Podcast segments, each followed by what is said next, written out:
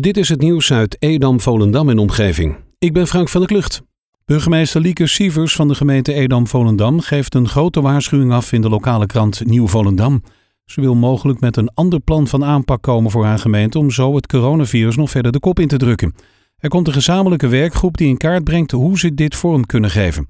De burgemeester is geschrokken van de berichten over mensen of bedrijven die een besmetting verzwegen of personen die met grote groepen in een huis bij elkaar komen. In het plan wordt ingezet op testen, opsporen, isoleren. Ook gymnastiekvereniging Hercules uit Middelie heeft moeten besluiten om de Rabobank zeevangsloop op 13 september niet door te laten gaan. Alles vanwege de onzekere coronasituatie. De organisatie wil geen enkel risico lopen voor de deelnemers. De organisatie wil geen enkel risico vormen voor de deelnemers en vrijwilligers. Hun gezondheid en veiligheid heeft de hoogste prioriteit. Het zou dit jaar de 41ste editie worden en de zeevangloop geldt al jaren als de ideale voorbereiding voor de Dam tot Damloop, die normaal een week later wordt gehouden. Ook de Dam tot Damloop gaat dit jaar helaas niet door. De gemeente Amsterdam is uitgeroepen tot winnaar van de 15e editie van de Topsportgemeente van het Jaarverkiezing. De Noord-Hollandse gemeente kende vorig jaar de beste topsportprestaties, gemeente over 40 landelijke sportcompetities en gerelateerd aan het aantal inwoners. Ook de overige genomineerde gemeenten mogen met een top 5 klassering terugkijken op een zeer geslaagd sportjaar. Edam Volendam werd tweede in de verkiezing. Sportclubs, musea en buurthuizen hebben het allemaal moeilijk door de coronamaatregelen. Om noodlijdende verenigingen, stichtingen en maatschappelijk initiatieven een steuntje in de rug te geven, deelde Rabobank Waterland en omstreken woensdag 43 checks uit via een drive-thru. De bedragen varieerden van 1000 tot 2500 euro. In totaal is 50.000 euro vergeven. De begunstigden hadden zich vooraf opgegeven bij de bank. De Tjalke, Klippers en Botters van de Bruine Vloot mogen vanaf 1 juni weer uitvaren. De BBZ-vereniging voor beroepschartervaart is tot overeenstemming gekomen met veiligheidsregio's en het ministerie van Volksgezondheid, Welzijn en Sport. Aan boord mogen maximaal 30 passagiers waarbij anderhalve meter afstand moet zijn gewaarborgd. Er moet vooraf worden gereserveerd aan wie aan boord gaat en krijgt ook op de treeplank eerst een intakegesprek. Daarbij wordt formeel gevraagd of mensen koorts of klachten hebben.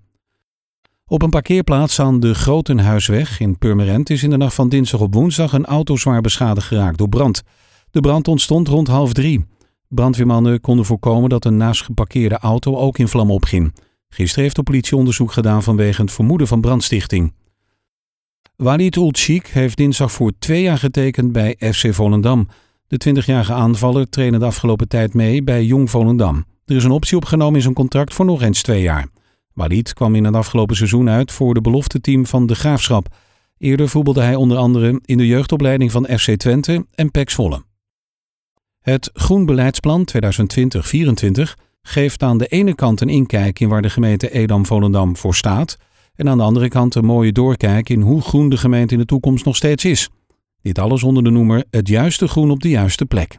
Groen vervult meerdere belangrijke functies. Met dit plan geeft het college inzicht in hoe de gemeente het groen wil onderhouden en welke kwaliteitsslag zij daarbij willen maken. Ook legt het college in het plan uit wat de visie en ambities zijn op het gebied van belangrijkste groenthema's. En dat zijn identiteit, klimaat, participatie, biodiversiteit en beheer en onderhoud. Afgelopen maandag heeft de eerste inwonersavond klantvriendelijke brieven van de gemeente plaatsgevonden. Het doel van deze avond was het verbeteren van de dienstverlening voor wat betreft schriftelijke communicatie. De avond werd geopend door wethouder Wim Runderkamp. Vijf inwoners beoordeelden een aantal brieven. Ook de wethouder nam deel als geïnteresseerde burger. Al met al was het een geslaagde avond. Er is nuttige informatie verkregen ter verbetering van de schriftelijke communicatie. Binnenkort wordt er met deze inwoners een vergelijkbare inwonersavond gehouden. Tot zover het nieuws uit Edam, Volendam en omgeving. Meer lokaal nieuws vindt u op de Love Kabelkrant, onze website of in de app.